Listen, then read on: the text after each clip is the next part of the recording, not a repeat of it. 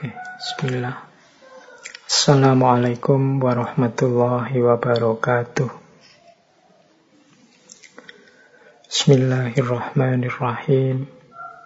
Alhamdulillahi rabbil alamin. Assalatu wassalamu ala ashrafil anbiya'i wal mursalin. Sayyidina wa maulana Muhammadin wa ala alihi wa ashabihi wa man tabi'ahum bi ihsanin ila yaumiddin. Amma ba'du. Bismillah, mari teman-teman semoga tetap istiqomah kita melanjutkan ngaji filsafat kita Semoga ngaji-ngaji filsafat yang sudah kita laksanakan setiap malam Kamis ini membawa manfaat dan keberkahan untuk hidup kita. Paling tidak, semoga ngaji kita ini oleh Allah diakui diridhoi sebagai usaha kita untuk membuat diri kita ini bernilai berharga. Di kesempatan yang berbeda pernah saya sampaikan bahwa kita ini sebagai manusia memiliki nilai, memiliki harga karena di balik fisik kita ini ada jiwa atau ada ruh. Kalau fisik saja tidak ada ruhnya, ya kita tidak disebut manusia mungkin disebut jenazah. Nah, ada berharga karena ada jiwanya, ada ruhnya. Dan ruh ini berharga ketika ada ilmunya. Jadi isinya ruh itu ilmu. Makanya dulu Nabi Adam sebelum diturunkan ke muka bumi oleh Allah dibekali dengan ilmu. Wa adamal asma'a kullaha. Dan ilmu ini berharga dia. Tidak sekedar wawasan yang kosong kalau membuahkan amal. Jadi tidak sekedar berhenti jadi pengetahuan saja. Nah, pada akhirnya amal juga dianggap bernilai kalau dia kualitasnya adalah ikhlas lillahi ta'ala tidak ada pamrih apa-apa selain ridhonya Allah. Jadi jiwa berharga karena ada ilmunya, ilmu berharga karena ada amalnya, dan amal berharga karena ada ikhlasnya. Nah, ngaji kita malam hari ini semoga bagian dari upaya kita untuk menghidupkan diri kita di jalan yang diridhoi oleh Allah, membuat diri kita bernilai lewat ilmu, amal, dan ikhlas. Meskipun nanti logikanya tidak boleh dibalik. Dibalik itu begini, ada orang yang mau beramal, Pak saya mau beramal tapi tidak jadilah, wong saya belum ikhlas.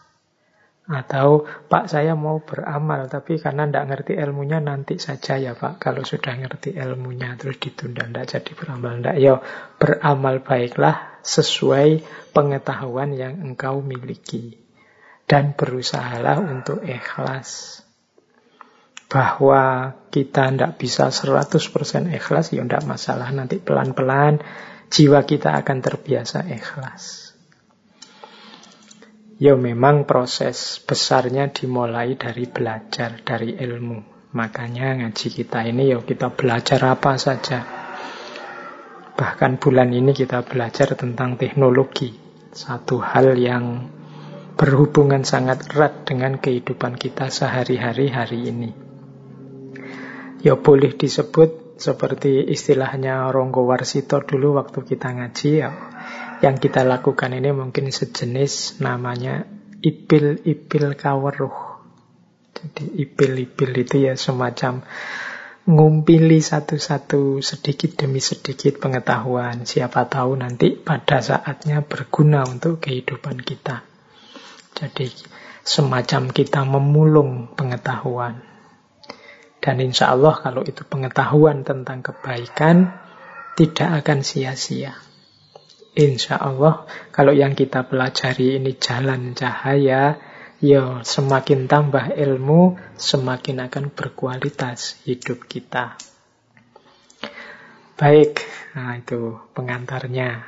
Malam hari ini tema kita masih sebenarnya ada di tema teknologi. Minggu lalu kita ketemu Louis Mumford dengan teori-teorinya tentang mesin. Malam hari ini kita akan belajar dari Paul Virilio. Ini tokoh filosof yang luar biasa gagasan-gagasannya tentang teknologi. Ya hanya saja malam hari ini kita ulas lebih dalam konsep beliau tentang kecepatan.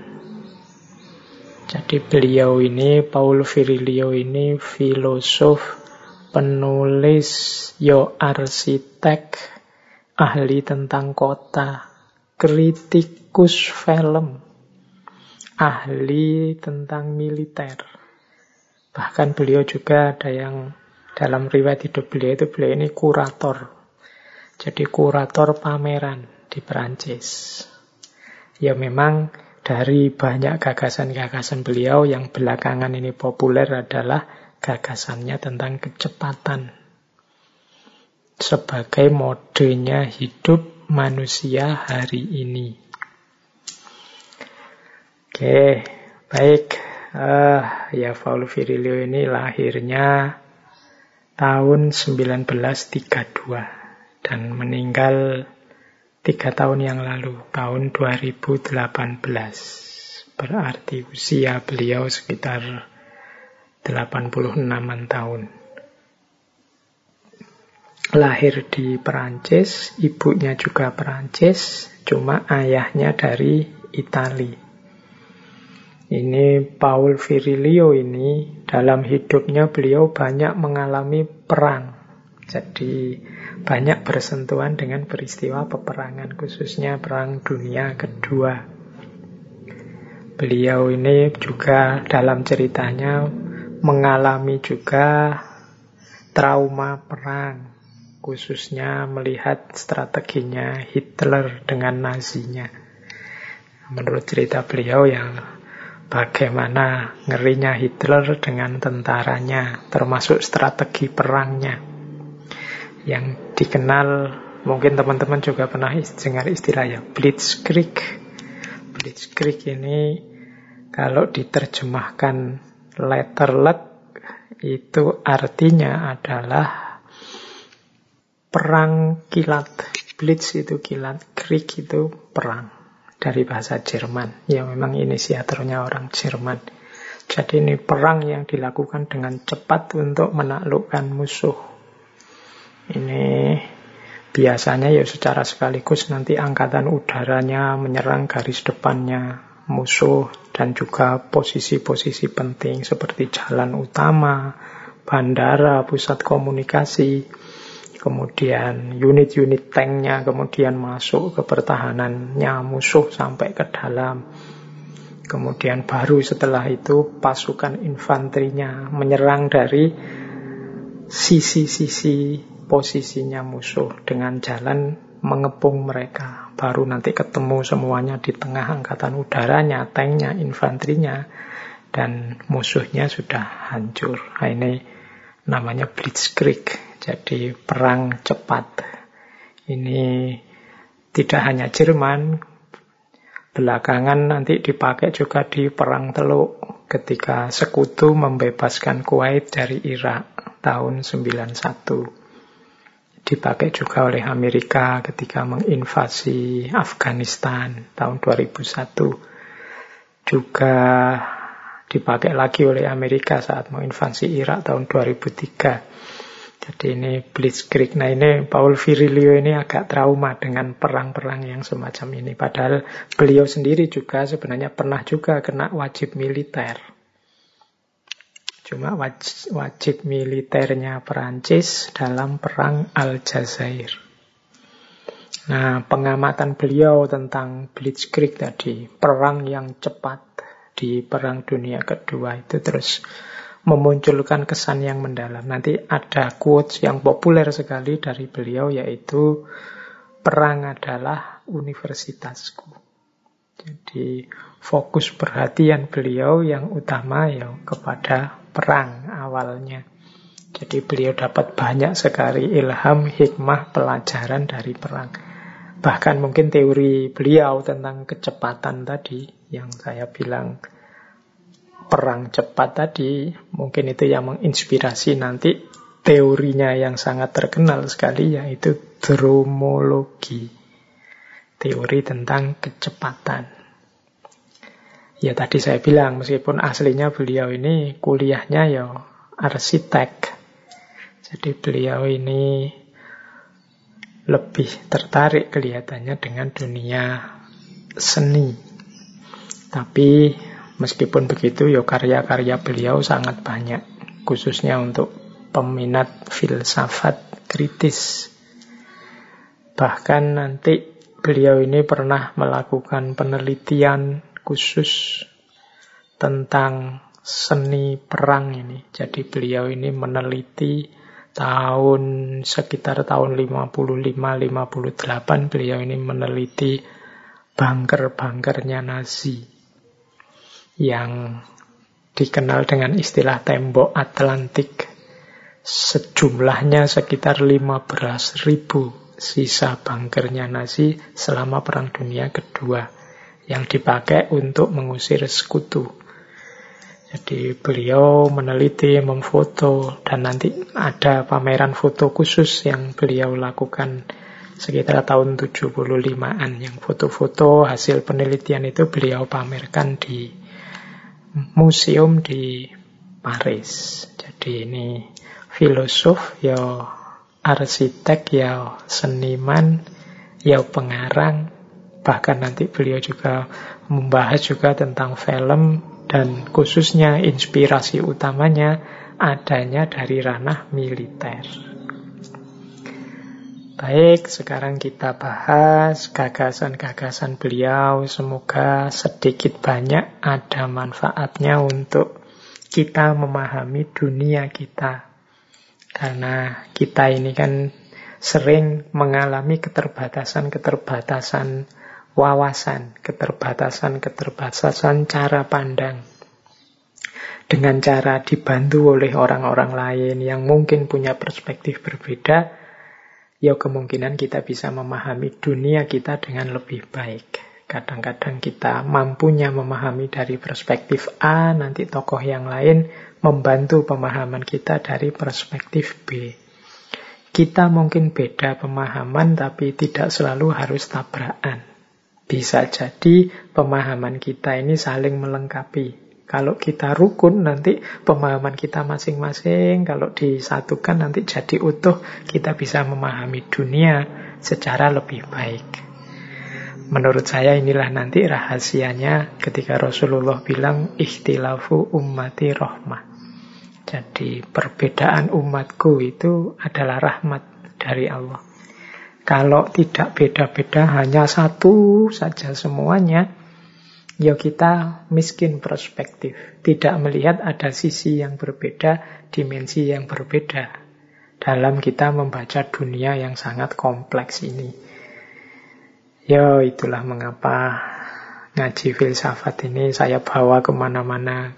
Mungkin rasanya tidak jelas, kadang bahas apa, kadang bahas tasawuf, sekarang malah bahas teknologi, kadang-kadang bahas novel macam-macam. Ya siapa tahu nanti dari istilahnya Ronggo Warsito tadi ya, dari ipil-ipil kaweruh memunguti, memulungi pengetahuan-pengetahuan dari mana saja.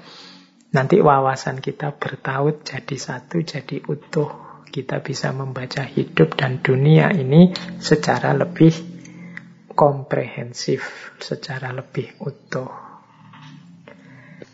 Baik, bismillah. Disiapkan ubor rampenya karena kita akan bicara kurang lebih dua jam. Ini butuh stamina mental dan juga stamina fisik. Tapi ya tidak harus dipaksa kalau sudah ngantuk ya silahkan dilanjutkan anugerahnya Allah berupa ngantuk itu dengan tidur. Besok masih bisa didengarkan rekamannya. Baik, saya awali dari awal dulu untuk melihat gagasannya Virilio ini ada di mana. Jadi kita lihat menurut istilah saya ada tiga hal yang merupakan penggerak modernitas yang ini beda-beda di awal modern, akhir modern, dan postmodern. Awal modern itu ya sekitar abad 15, 16, 17, ini awal-awal modern. Dunia ini digerakkan oleh namanya produksi. Nah, ini awal modern. Jadi mulai muncul pabrik-pabrik, mulai ditemukan temuan-temuan baru temuan listrik, temuan kereta, temuan ini. Jadi kuncinya peradaban ada di produksi. Makanya yang belajar teori-teorinya Karl Marx nanti akan melihat bagaimana produksi itu jadi kuncinya. Siapa yang memegang alat-alat produksi, dialah penguasa peradaban, otomatis dia akan jaya di bidang ekonominya. Jadi ini cirinya awal modern. Kreativitas dan produksi jadi unggulan. Nah, nanti berbeda dengan akhir modern. Akhir modern itu ya belakangan mungkin abad 18, 19, 20. Mode-mode produksi bergeser jadi konsumsi. Kalau tadi orang elit di masyarakat adalah orang yang mampu berproduksi, kalau di akhir-akhir modern justru orang itu disebut elit dilihat dari apa yang dia konsumsi. Strata di masyarakat itu tergantung konsumsinya. Ya, ini mudahnya melihat ya yang yang mobilnya merek apa, yang rumahnya berapa, yang nah itu kan aspek konsumsinya. Tasnya merek apa sih? Nah, itu aspek konsumsinya. Jadi apa yang dia konsumsi nanti orang menanggapi itulah statusnya. Nah, ini dunia akhir modern. Jadi aku adalah apa yang aku konsumsi. Sementara di awal modern, aku itu apa yang aku produksi. Hari ini mungkin para mahasiswa itu mungkin orang melihat apa sih yang dibaca mahasiswa itu, apa sih yang ada di tasnya, apa sih? Nah, itu kan menentukan statusnya dia. Wah, yang dibaca buku-buku filsafat kelas tinggi nih. Nah, sementara yang satunya, oh itu yang dibaca kok novel-novel tok gitu isinya komik-komik saja, tidak ada yang ilmiah. Nah, itu nanti dia akan menyandang statusnya sendiri karena apa yang dia konsumsi. Sementara yang tadi membaca buku ilmiah-ilmiah, buku filsafat kelas tinggi, ya dia akan menikmati statusnya sendiri. Jadi, aku tergantung apa yang aku konsumsi. Yo, kalau misalnya merek tasnya apa untuk ibu-ibu atau merek parfumnya apa. Kadang-kadang kan kita ada orang jalan, wah parfumnya ini parfum mahal. Jadi nilai diri kita tergantung apa yang kita konsumsi. Oke, ini gaya akhir modern.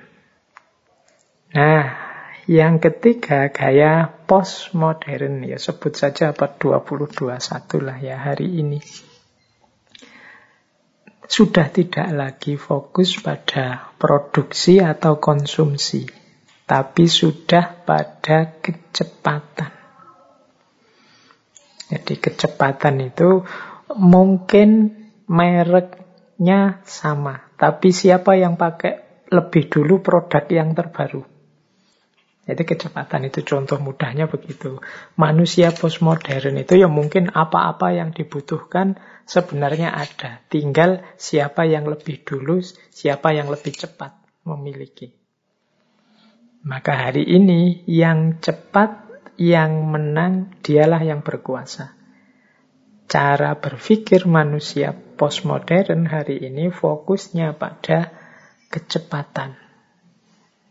Jadi apa yang lebih dulu kita miliki yang tidak dimiliki oleh orang lain, di situlah kita unggul.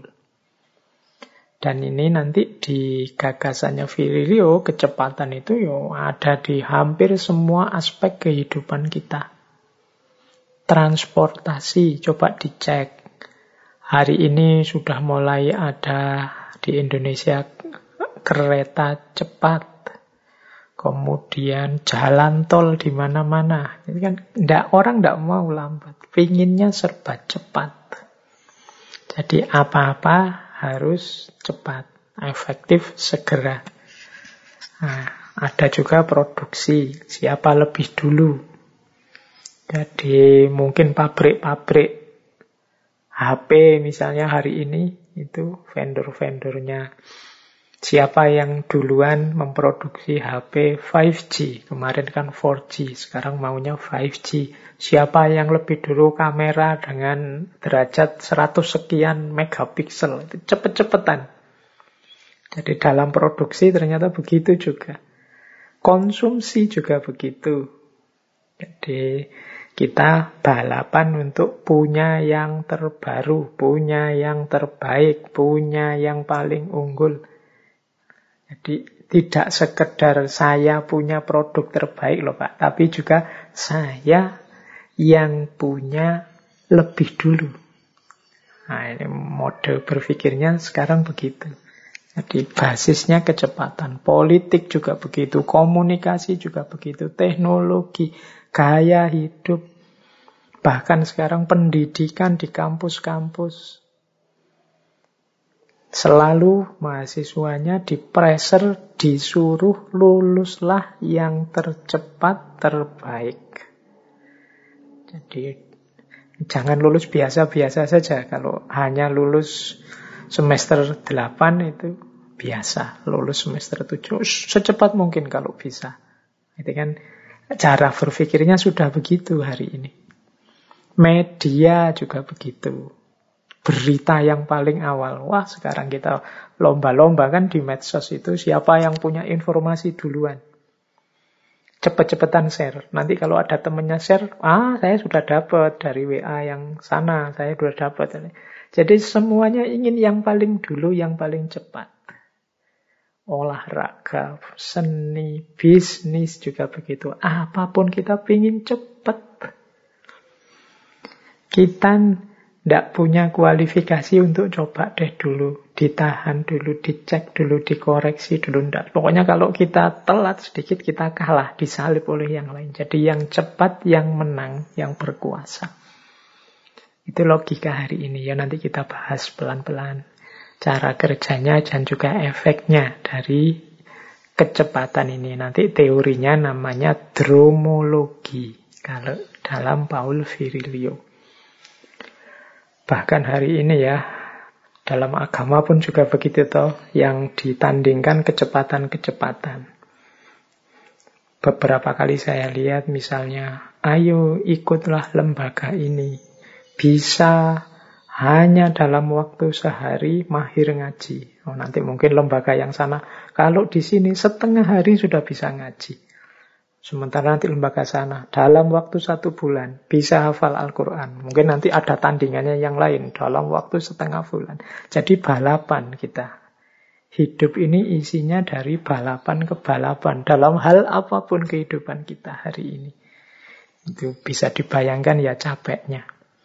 Apalagi ini sebentar lagi Ramadan ini. Wah, itu yang saya ingat kalau Ramadan terus hubungannya dengan kecepatan itu kecepatan orang teraweh.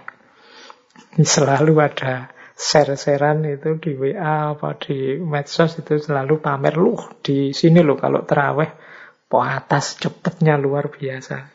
Dulu saya zaman kecil juga begitu kalau ada beberapa tempat teraweh itu milih mana yang paling cepat. Ini jangan-jangan sudah terpengaruh logika dromologi ini. Apa-apa maunya cepat selesai. Baik, disimpan dulu nanti di belakang. Semoga ada waktu kita membahasnya dari perspektif agama. Jadi orang modern awal itu cara berpikirnya produksi, orang modern akhir cara berpikirnya konsumsi, sementara orang postmodern itu logikanya kecepatan. Apa-apa ingin segera, ingin cepat. Siapa yang cepat, dia yang menang dan yang berkuasa. Oke, kita lanjutkan. Sebelum melanjutkan ke bagian kecepatan, kita pahami dulu perspektifnya Virilio tentang teknologi. Ya nanti ada hubungannya dengan kecepatan. Semua kecepatan yang kita bahas tadi kan pendukungnya jelas, yaitu teknologi. Jangan lupa katanya Virilio, ada integral accident. Jadi integral accident itu ada unsur kecelakaan yang integral dalam setiap temuan teknologi. Jadi temuan apa pun di balik itu ada unsur negatifnya. Itu di quote yang saya ambil dari bukunya Virilio itu ada kalimat saat engkau menciptakan kapal, engkau juga menciptakan kecelakaan kapal. Ya mesti saja kan sebelum ada kapal, ya apa ada kecelakaan kapal kan tidak ada. Mengapa ada pesawat jatuh? Ya karena ada pesawatnya. Saat engkau menciptakan pesawat terbang, engkau juga menciptakan kecelakaan pesawat terbang. Saat engkau menciptakan listrik, yo ya saat itu juga engkau menciptakan setruman sengatan listrik. Mengapa kok ada orang kesetrum? Ya karena ada listriknya. Mengapa ada kecelakaan pesawat? Karena ada pesawatnya. Mengapa ada tabrakan kapal? Karena ada kapalnya. Coba tidak ditemukan kapal, tidak ditemukan pesawat, tidak ditemukan listrik, ya ndak ada orang kesetrum, ndak ada ketabrakan pesawat, ndak ada kecelakaan kapal. Itulah resikonya teknologi. Jadi setiap teknologi membawa negativitasnya sendiri yang diciptakan di waktu yang sama bersama perkembangan teknologi. Jadi harusnya berarti kalau kondisinya seperti ini harusnya setiap temuan teknologi apa pun kita renungi, kita uji dan kita waspadai integral accident ini. Tidak mentang-mentang temuan teknologi terbaru terus kita rayakan, kita nikmati bersama-sama sampai lupa diri. Jangan lupa temuan apa pun, kemudahan teknologi apa pun, di balik itu ada integral accident. Bahkan nanti di Paul Virilio sampai level ketika manusia bisa kehilangan dirinya. Khususnya dengan teknologi informasi yang luar biasa. Tapi kita pahami ini dulu. Jadi ada integral accident. Ya termasuk hari ini kan kita menikmati banyak sekali kan kenikmatan teknologi itu motor, TV, HP, apa saja kita nikmati itu kan produk-produk teknologi. Di balik itu semua jangan lupa ada integral accident-nya. HP yang membuat kita asyik misalnya, ya di balik itu ada misalnya accident kita jadi tidak intim lagi dengan yang lain. Karena kita asyik dengan gadget kita. Dunia sosial terus bubar, yang ada dunia maya misalnya. Nah ini contoh integral accident. Manusia tidak pernah secara serius memikirkan ini. Yang selalu jadi fokus perhatian adalah perkembangan terbaru, perkembangan terbaru, temuan terbaru terus-menerus. Melupakan adanya integral accident. Ini pandangannya Paul Virilio. Jadi modenya manusia posmo itu kecepatan yang dia didukung oleh aneka temuan terbaru teknologi, khususnya teknologi informasi. Sementara jangan lupa, setiap temuan teknologi di balik itu ada integral accident. Oke, ini awalnya pelan-pelan ya kita pahami. Terus, nah sekarang baru masuk kita ke dromologi. Dromologi ini adanya bisa dicek bukunya Virilio yang judulnya Speed and Politics, an essay on dromology. Ya cuma malam hari ini kita bahas speednya saja dulu ya, pandangan tentang kecepatan peradaban manusia hari ini yang ditingkahi oleh kecepatan, khususnya karena teknologi informasi. Dromologi itu berasal dari bahasa Yunani, dromos, yang artinya perlombaan adu cepat atau balapan dan kata logos. Dromos dan logos. Jadi kalau logos itu ya nalar, cara berpikir, semesta pengetahuan. Itu logos. Jadi nalar yang gayanya fokus pada kecepatan. Jadi cara berpikir yang didasarkan pada prinsip kecepatan. Jadi itu ada quotes dari Virilio, Today Everything is about speed and real time. We are no longer concerned with real space. Jadi hari ini itu ya segalanya dituntut untuk cepat dan real time. Dan tidak lagi terlalu fokus pada kenyataan. Kan segalanya apa-apa real time. Real time itu ya yang kita alami meskipun jauh itu sama seperti kita alami saat ini juga di tempat kita.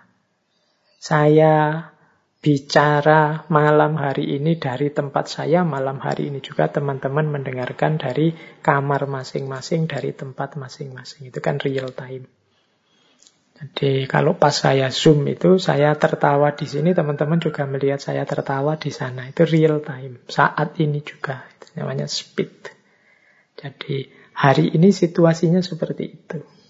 Jadi ada speed dan real time. Kita lanjutkan. Nah, dromologi itu berarti tadi ya definisinya cara berpikir yang fokus pada kecepatan. Asumsinya apa? Yo, segala sesuatu harus cepat, harus pertama, harus terdepan dalam hal apa pun. Coba teman-teman cari dalam hidup kita. Kita kan selalu ingin apa pun itu yang tercepat, yang pertama, yang terdepan. Kadang-kadang sampai yang harusnya sabar ngantri pun kita tidak mau ngantri. Pokoknya harus saya dulu. Ini hari-hari ini kan hari-hari vaksin. Ini semua rebutan untuk sayalah yang harus divaksin dulu. Yang tercepat, yang pertama, yang terdepan.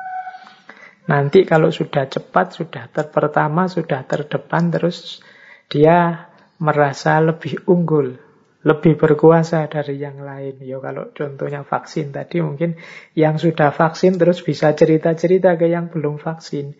Oh kayak gini loh rasanya vaksin malam habis vaksin itu rasanya seperti ini. Pas divaksin itu begini. Pas dua hari setelahnya saya rasa begini. Jadi yang lebih dulu sekarang punya kuasa atas yang belum atau yang telat.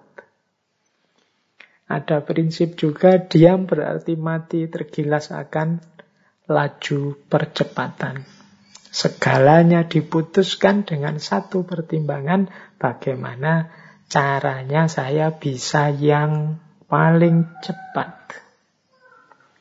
Ini kadang-kadang dalam hidup sehari-hari kan kelihatan sekali manusia hari ini itu ingin selalu yang tercepat terdepan. Teman-teman mungkin ngalami di jalan, misalnya bagaimana orang ingin duluan. Begitu lampu merah nyala, itu kan Terus banyak yang nyisip-nyisip biar dia paling dekat dengan lampu. Nanti begitu lampunya hijau, dia yang paling cepat jalan. Atau begitu lampu hijau nyala, yang di belakang terus ngebel-ngebel. Karena dia juga ingin cepat. Yang di depan harusnya juga lebih cepat. maka dia terus ngebel yang depannya. Padahal ya kalau jalan saja kan ya sebenarnya ya semuanya juga akan jalan. Tapi kan tidak cukup hanya jalan. Yang penting harus aku cepat, aku duluan. Jadi apa saja orang ingin yang tercepat. Makanan saja hari ini juga banyak yang jenisnya cepat saji. Ingin cepat. Jadi apa-apa ingin segera. Tidak mau kita terlambat. Nah, ini dromologi, cirinya peradaban hari ini. Makanya rasanya kita hidup hari ini ini serba terengah-engah. Selalu ingin cepat. Langganan nonton sinetron saja kan kita sama sekali tidak mau ketinggalan. Pokoknya karena kalau ketinggalan ya besok kan ada juga di YouTube atau siaran tundanya ndak harus sekarang karena kalau besok berarti kalah dengan yang lain dong. Nah, ya sekarang kan banyak itu kan nonton live streaming, live streaming di Netflix, di macam-macam. Itu kan sebenarnya nanti lama-lama juga ada kan yang tidak bayar, mungkin yang gratis, yang tinggal lihat. Tapi kan kita tidak sabar kalau harus nunggu begitu. Harus sekarang lihatnya. Kalau keduluan teman berarti saya kalah, Pak. Yang menang ya yang cepat. Nah, ini logika dromologi namanya. Jadi selalu menuntut saya harus yang paling dulu, saya harus yang paling cepat. Ini serba bolehlah disebut ini ingin ingin selalu terburu-buru. Biar aku duluan. Biar tidak yang lain. Nah, ini, loh, kalau gitu berarti, kalau tidak boleh gini berarti kita harus ngalah saja Pak. Berarti kita tidak boleh bergerak maju ke depan cepat Pak. Berarti kita ya tidak begitu. Jadi kritiknya Virilio ini untuk peradaban kita hari ini, yo efeknya orang yang hanya mengejar kecepatan itu kadang-kadang tidak hati-hati kualitasnya kelewatan. Kalau kita ingin share apa saja segera, ingin lebih dulu dari temen lo, terus tidak dicek dulu ini isinya apa, pokoknya di-share saja. Lo khawatirnya jangan-jangan yang kita share itu sesuatu yang negatif atau sesuatu yang dalam kondisi tertentu, situasi tertentu, itu merusak. Hanya kita tidak sadar. Kenapa kita tidak sadar? Kita tidak punya cukup waktu untuk merenung. Kita tidak punya cukup waktu untuk memahami lebih dalam apa yang terjadi sekeliling kita. Ya kesusunya kita harus segera karena khawatir kalah dengan yang lain. Padahal meskipun kita li, kita lakukan besok share-nya, sekarang dicek dulu di mungkin di Google dulu dicari biar tidak keliru itu kan masih ada kesempatan. Tapi mungkin kita khawatir keduluan orang lain. Nanti kalau keduluan orang lain beritanya jadi basi. Kalau basi saya kalah, yang menang yang share lebih dulu. Apalagi teman-teman yang bergerak di jurnalistik hari ini. Wah, jurnalistik hari ini apalagi yang basisnya web itu balapan beneran untuk dapat info duluan. Kadang-kadang melupakan unsur check and recheck. Pokoknya tulis dulu saja. Nanti kalau ada kurang-kurang kelirunya ya direvisi di belakang. Ini logika ini ada. Kenapa? Karena ada mode hidup dromologi. Jadi dromologi itu berarti ya kecepatan hidup. Ini yang utama hari ini. Oke, terus kita lanjutkan. Nah, ada istilah dari Virilio ini yaitu the last vehicle. The last vehicle ini ya artinya mesin yang terakhir. Maksudnya the last vehicle itu internet. Jadi hari ini dengan jasanya internet itu kita mendapatkan informasi dengan real time.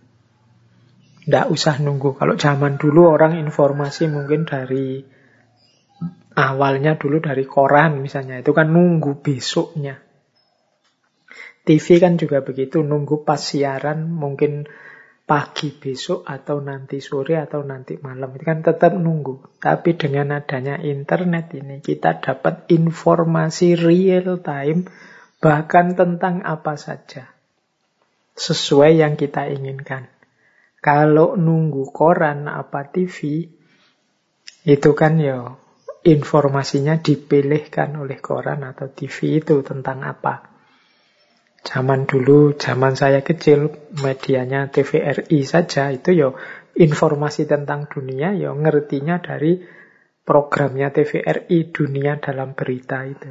Atau lewat koran, biasanya ada satu halaman khusus tentang peristiwa-peristiwa dunia. Yo yang milihkan kan tetap wartawannya. Tapi sekarang dengan adanya the last vehicle ini, kita bisa milih informasi sendiri dan juga waktunya real time. Akibatnya apa? Pengetahuan itu hadir secara implosif. Jadi kayak bom ke dalam kehidupan kita. Banjir kita dengan pengetahuan. Pokoknya mau cari apa saja ada. Kadang-kadang kita tidak nyari itu ditawani apa? Ditawari oleh HP kita, ditawari oleh laptop kita.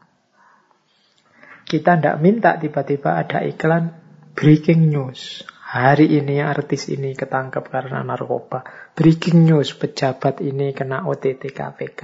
Kita tidak nyari itu, tapi kita tahu, diberitahu secara real time oleh internet.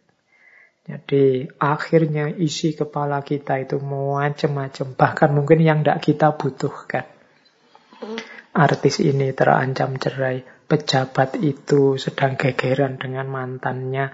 Oh, kalau tokoh ini dia sedang ditangkap karena narkoba, oh yang itu kena OTT. Itu kan kadang-kadang kita juga ini buat apa atau info-info ini. Wong saya ndak butuh tapi hadir menyerbu kita tanpa bisa dihalangi. Dari sisi ini itu.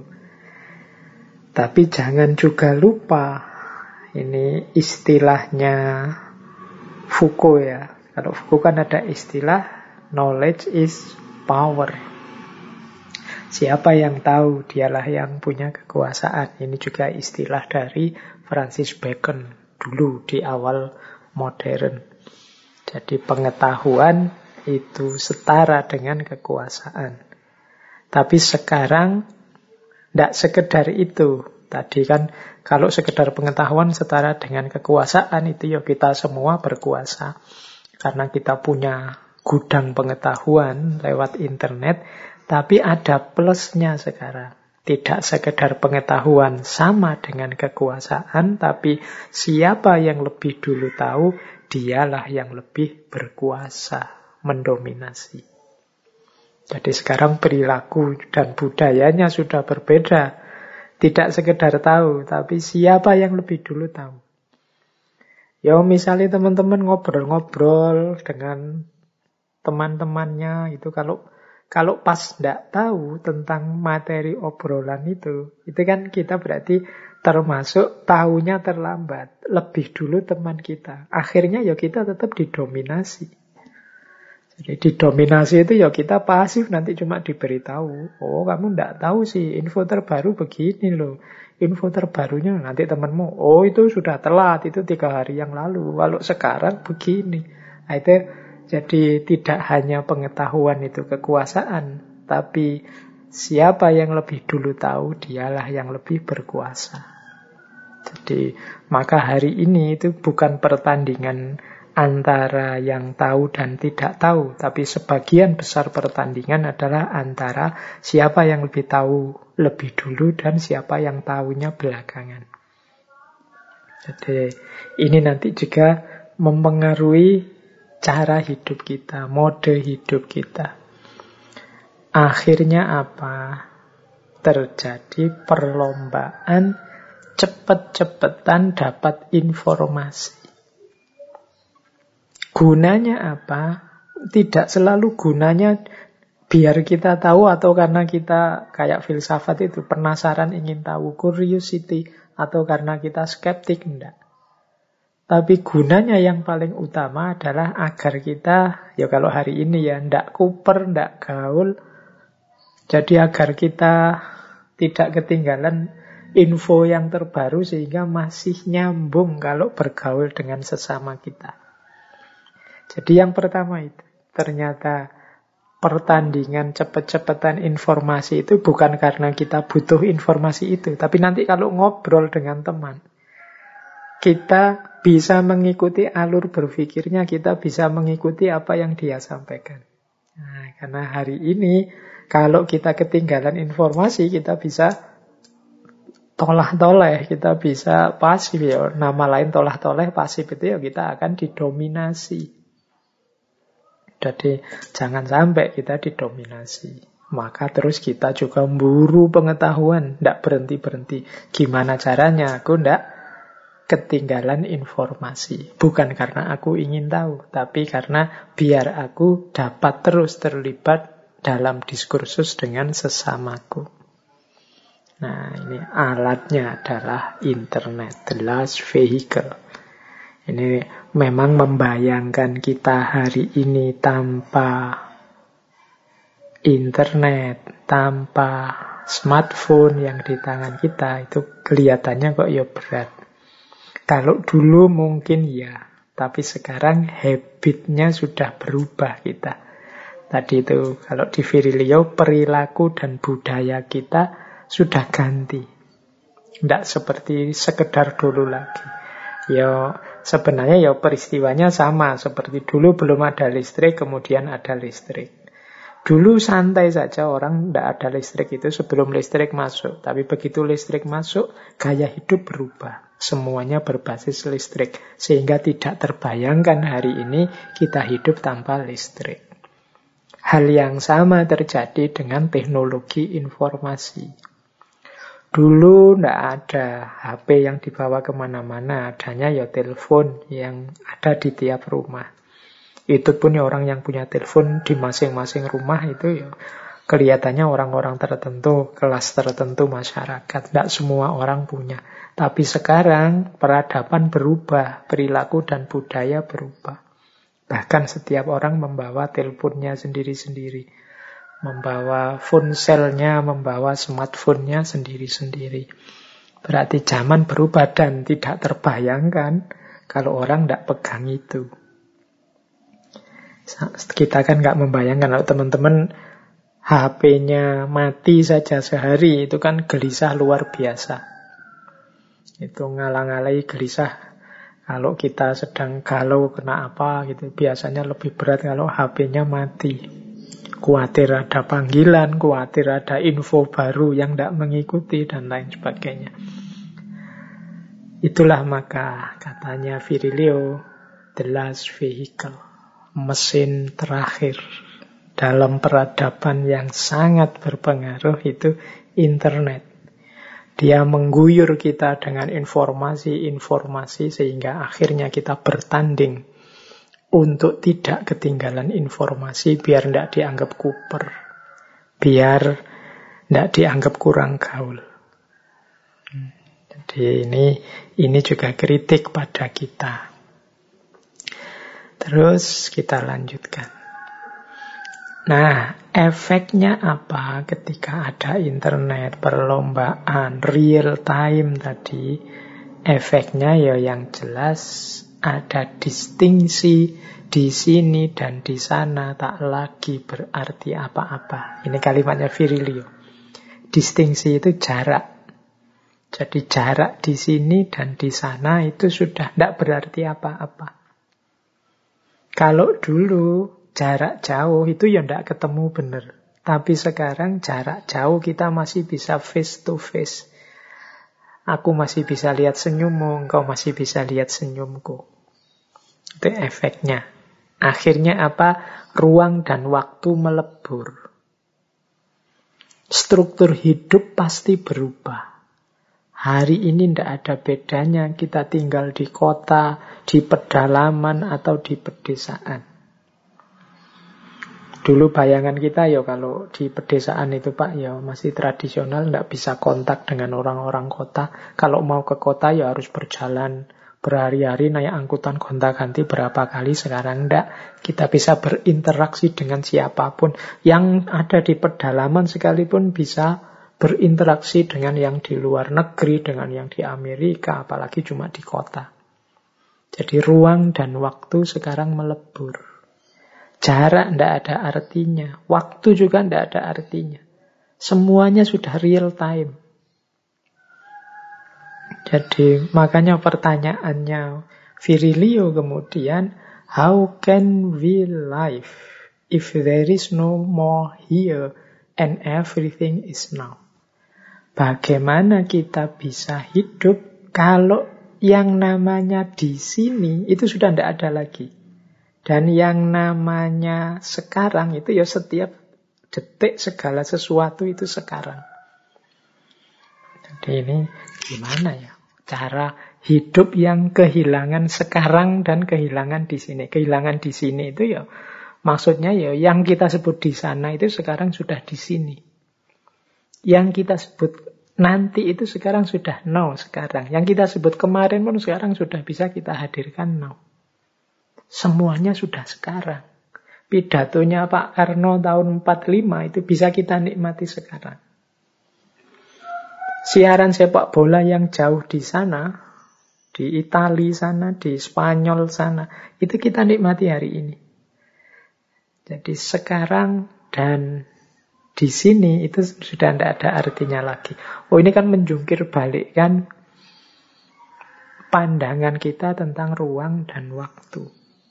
Jarak menjadi hilang, menjadi lenyap. Waktu juga jadi sangat relatif. Nah, ini efeknya. Ya ini kita harus merenungi kalau sudah begitu terus bagaimana. Nanti efeknya ke pendidikan, efeknya ke budaya, efeknya ke politik, dan lain sebagainya. Jadi Ya sebentar lagi misalnya bayangan saya pendidikan-pendidikan ini akan mengalami transformasi yang luar biasa. Ini orang kita kan hari ini mengalami ternyata bisa juga ya pendidikan itu dijalankan jarak jauh. Tinggal diatur saja bagaimana caranya efektif. Oh itu mungkin ini sebentar lagi mungkin ada misalnya kelas-kelas internasional tapi online mahasiswa luar negeri tapi ya kuliahnya dari rumahnya masing-masing meskipun catatannya ya kuliah di Indonesia. Atau kita kita dapat beasiswa ke mana lah ke Jerman. Tapi ya ndak usah ke Jerman. Kita ikuti kuliah di sana sambil kita hanya di sini saja di Indonesia. Oh itu kan mengubah landscape pendidikan hari ini. Ya kemarin mungkin masih maju mundur mikir itu tapi begitu hadir corona ini ya kita mulai berpikir eh ternyata bisa juga ya. Ngapain kemarin capek-capek keluar biaya banyak. Wah, muncullah inovasi-inovasi baru. Nah, kemudian muncul juga jadi ruang-ruang sosial, ruang-ruang publik mulai tergerus. Jadi kita lebih akrab dengan grup WA kita dibandingkan tetangga kiri kanan kita. Jadi mungkin kita tidak kenal siapa tetangga kita lima rumah dari rumah kita. Misalnya kita tidak akrab lagi karena mungkin yang tua yang kita kenal sudah meninggal sekarang tinggal anaknya apa cucunya yang kita sama sekali tidak kenal. Atau familinya dari kota yang tinggal kita tidak kenal. Tapi di grup WA kita aktif sekali kita ngerti segalanya. Ini kan juga efek ruang-ruang sosial ternyata juga sudah berubah jadi komunikasi bahkan dengan tetangga jejer saja bisa jadi hanya lewat grup-grup WA. Ini juga efek sosial. Efek budayanya juga mungkin juga muncul. Cara hidup kita sekarang berubah. Jadi bahkan di ranah-ranah agama. Coba teman-teman mulai dicermati. Semoga ada generasi seangkatan saya yang mengalami era sebelum booming teknologi, kemudian mengalami era awal teknologi informasi sampai hari ini awal puncaknya teknologi informasi. Coba dimuhasabahi. Dulu itu ketika hidup ini hanya ada zaman Orde Baru, zaman saya kecil itu adanya TV negeri, TVRI saja sebelum nanti RCTI yang awal itu. Nah, itu apa sih yang dulu kita lakukan? Zaman saya dulu di desa masih belum ada listrik. Yang dilakukan apa? Kemudian cara hidupnya bagaimana? Begitu masuk listrik, cara hidupnya bagaimana? Sekarang teknologi macam-macam masuk, cara hidupnya bagaimana? Itu kan pasti ada efeknya. Hari ini ketika apa-apa medsos, apa-apa HP, cara hidup kita seperti apa? Bagaimana kita menghayati kedalamannya? Cuma Problemnya kalau di Virilio kan ada dromos tadi. Semuanya ingin cepat. Akhirnya tidak sempat untuk refleksi. Tidak sempat untuk berpikir lu apa kita ini sudah cocok apa enggak sih menjalankan hidup seperti ini dengan perubahan teknologi. Ya perubahan hidup pasti terjadi, tapi apakah pernah kita berpikir serius merancang strategi-strategi perubahan sosial, perubahan budaya, menyikapi teknologi yang cepatnya luar biasa ini loh. Jangan sampai kita ditabrak tadi, the accident. Jadi integral accident. Jadi dampak negatif dari teknologi yang tidak kita sadari. Padahal dia ada. Kuatirnya nanti peradaban kita hancur karena ciptaan kita sendiri. Banyak contoh sebelumnya. Jadi, baik, itu efeknya ketika ruang dan waktu melebur yang pertama. Itu ada quotes yang menurut saya menarik dari Virilio, image contaminate us like viruses. Jadi gambaran-gambaran yang tentunya yang dari media itu mempengaruhi kita seperti virus. Kita ini kayak orang yang diserbu virus tiap hari kepala kita. Dengan apa? Gambaran-gambaran dari internet, dari media sosial. Ya, ketika ada virus COVID-19, ketika ada virus corona, itu kan kita cepat-cepat melakukan antisipasi-antisipasi. Apakah kita pernah berpikir mengantisipasi gambar-gambar. Gambar-gambar itu ya gambaran-gambaran, wawasan-wawasan, persepsi-persepsi yang masuk lewat medsos, masuk lewat internet, lewat gadget kita, laptop, HP kita. Karena dia juga seperti virus nanti. Kalau orang sudah terjangkit itu harus mengupayakan kesembuhan, wong itu virus. Karena image yang masuk itu kan tidak terkontrol. Ada kalanya benar, ada kalanya baik, Alhamdulillah. Tapi kalau tidak, akan sangat berbahaya kalau kita tidak hati-hati. Jadi image contaminate us like viruses. Jadi diingat-ingat saja ya mungkin pas teman-teman buka HP, ada berita apa, ada provokasi apa, ada pandangan apa. Ingatlah pertama, mungkin ini virus. Mungkin ya, ya siapa tahu bermanfaat, tapi mungkin bisa jadi virus. Paling tidak teman-teman menghidupkan kewaspadaan, biar tidak ditelan begitu saja oleh banjir informasi yang tidak bertanggung jawab. Kalau pertahanan kita bobol, virus masuk tanpa terkendali, ya, jiwa kita, mental kita akan sakit. Oke, baik kita lanjutkan. Itu efek yang selanjutnya. Jadi yang pertama meleburnya ruang dan waktu sudah konsepnya bolak-balik tidak karu-karuan. Yang kedua menyerang kita dengan gambaran-gambaran, dengan wawasan-wawasan yang tidak pasti berguna. Saya tidak menyebut tidak berguna ya, tidak pasti berguna itu ya Kadang-kadang mungkin isinya kebenaran, kebaikan, tapi kebenaran, kebaikan yang tidak selalu cocok dengan hidup kita. Karena kita ini ya punya situasi sendiri, punya kondisi sendiri. Jadi misalnya hari ini kan banyak orang yang ngomong daging-dagingan itu kan, wah informasinya daging semua. Sama sekali tidak ada kulitnya, tidak ada tulangnya. Ya, Ya ke, daging itu memang menyehatkan, tapi jangan lupa bagi orang tertentu daging itu kolesterol. Jadi bagi orang yang kolesterolnya tinggi, punya sakit jantung, ya jangan nyari daging semua. Atau jangan-jangan urusan selera juga. Ada orang yang seleranya bukan daging tapi kulit atau mungkin suka ngerikiti tulang misalnya ya beda-beda ya. Jadi tidak pasti benar. Jangan ditelan begitu saja.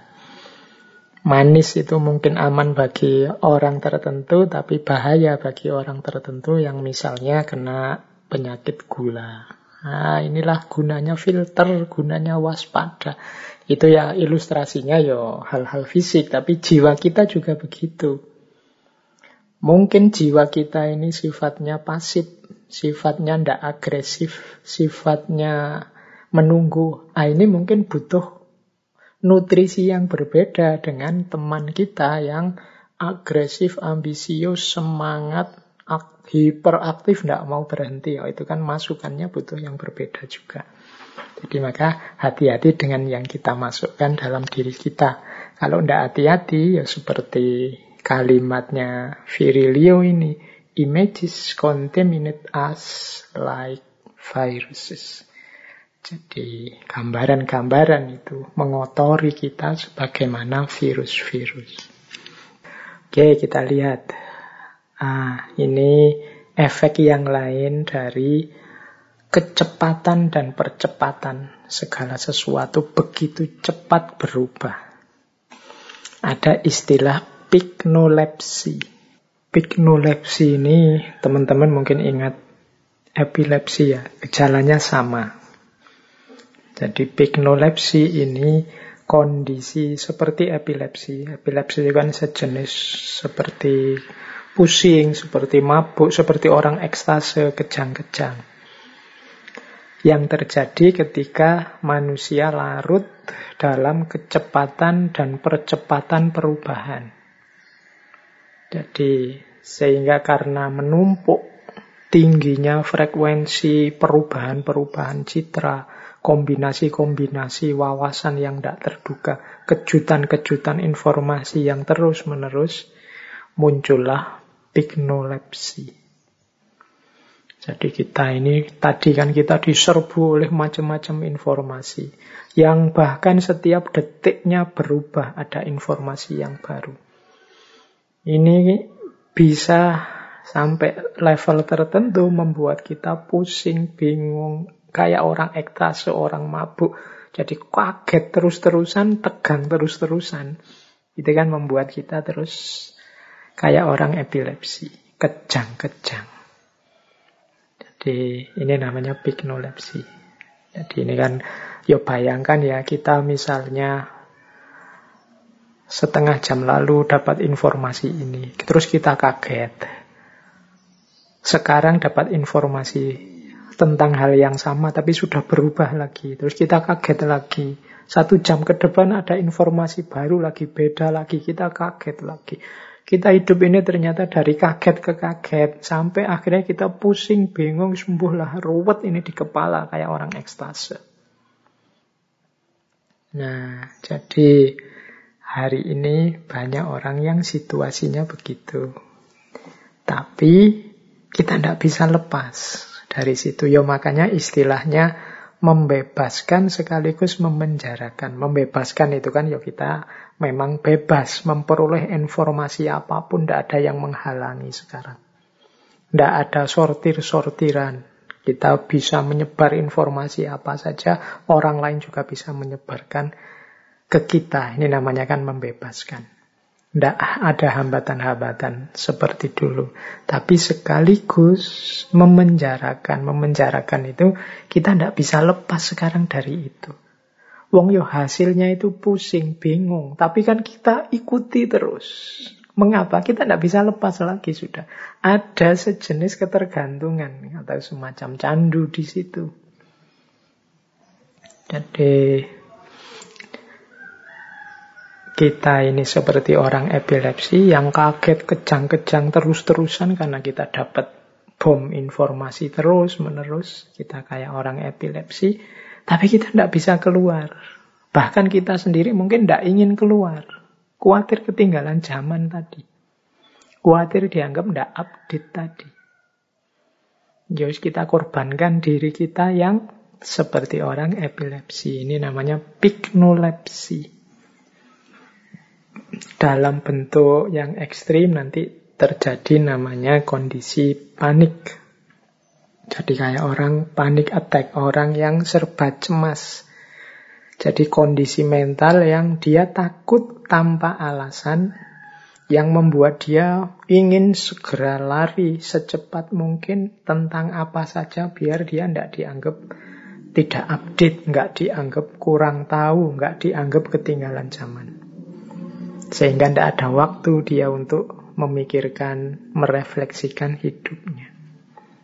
Jadi kita karena ketakutan tertentu, waduh ini tidak boleh ketinggalan informasi ini. Ini apa sih? Ini kan sering itu kalau teman-teman lihat di medsos-medsos ada orang posting apa, terus kita tanya, ini tentang apa, dari mana, sumbernya mana dan seterusnya karena kita ingin mengejar lagi secara lebih dalam karena khawatir kita ketinggalan zaman khawatir kita tidak update informasi terbaru. Kadang-kadang ada orang posting video potongan ini lengkapnya apa ya? Infonya di mana ya? Karena kita khawatir ketinggalan ini. Kalau nunggu sampai selesai wah telat aku. Aku harus cepat mengejar. Kita panik kalau kita ketinggalan informasi. Kita panik kalau kita tidak yang lebih cepat, tidak yang pertama. Akhirnya kita tidak punya waktu untuk merefleksikan hidup kita. Kita sibuk mencermati apa yang berkembang di luar diri kita. Nah, kondisi ini nanti namanya pignolepsi. Jadi dari ketegangan-ketegangan yang secara kontinu muncul karena kita kaget terus ada perubahan-perubahan terus-menerus, akhirnya memunculkan kondisi jiwa yang serba panik. Akhirnya kita lari secepat-cepatnya, kita melakukan apa pun demi tidak ketinggalan, sampai kita lupa. Apa benar hidup kita itu arahnya ke sana. Kadang-kadang kan di antara kita ada yang dibela-belain nanti mencari informasi terbaru tentang artis ini, artis itu. Padahal dia lupa, apa ya hidupnya itu nanti arahnya ke situ. Manfaatnya apa dengan dia menghabiskan waktu, tenaga, biaya untuk mengejar informasi tentang itu.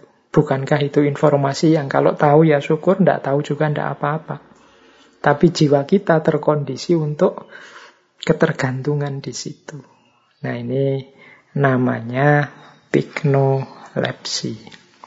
Ya silahkan teman-teman merenungi. Semoga tidak ada yang sampai titik ini. Tapi yo kalau ada ya saatnya kita merenung kembali, berefleksi. Ini kalau bahasa saya orang-orang yang terkena sindrom ini saatnya untuk pinter-pinter masang rem dan menggunakan rem. Ini kan orang yang ingin lari cepat terus. Saatnya untuk sedikit-sedikit menjauh dan ngerem. Ini orang yang remnya kurang karena memang situasi hari ini itu banyak menuntut kita untuk ingin cepat terus, ingin segera sehingga mental kita terus agak berubah. Saya ingat ada beberapa teman ngaji filsafat itu yang tidak telaten mendengarkan saya ngomong seperti ini. Dianggapnya kurang cepat. Dia ingin, wah saya selalu mem membuat lebih cepat Pak. Saya cepatkan dua kali atau tiga kali lipat, saya tidak tahu nyamannya dia berapa. Tapi biasanya dipercepat. Karena dia ingin segera selesai, segera ngerti maunya apa yang saya omongkan ini. Ya saya tidak menyalahkan sih, yo memang kebutuhan setiap orang beda-beda, tapi semoga itu tidak jadi isyarat bahwa kita mulai tenggelam dalam arus percepatan yang tidak perlu. Jadi bukan berarti, Pak berarti saya kemarin saya cepetin salah. Tidak, tidak ada yang salah. Semoga itu bukan indikasi saja dalam banyak hal dalam hidup kita yang lain. Jadi kadang-kadang kita ini tidak sadar. Yang percepatan-percepatan ini nanti mengimbas ke banyak hal. Misalnya dalam budaya. Misalnya ya efek jeleknya kadang-kadang ada orang kemudian jadi tidak sabar ngantri. Tidak sabar untuk jalan beriringan di lampu merah, inginnya saling nyalip, ingin duluan. Tidak sabar untuk menggembalakan proses. Menggembalakan proses itu ya apa-apa ada prosesnya.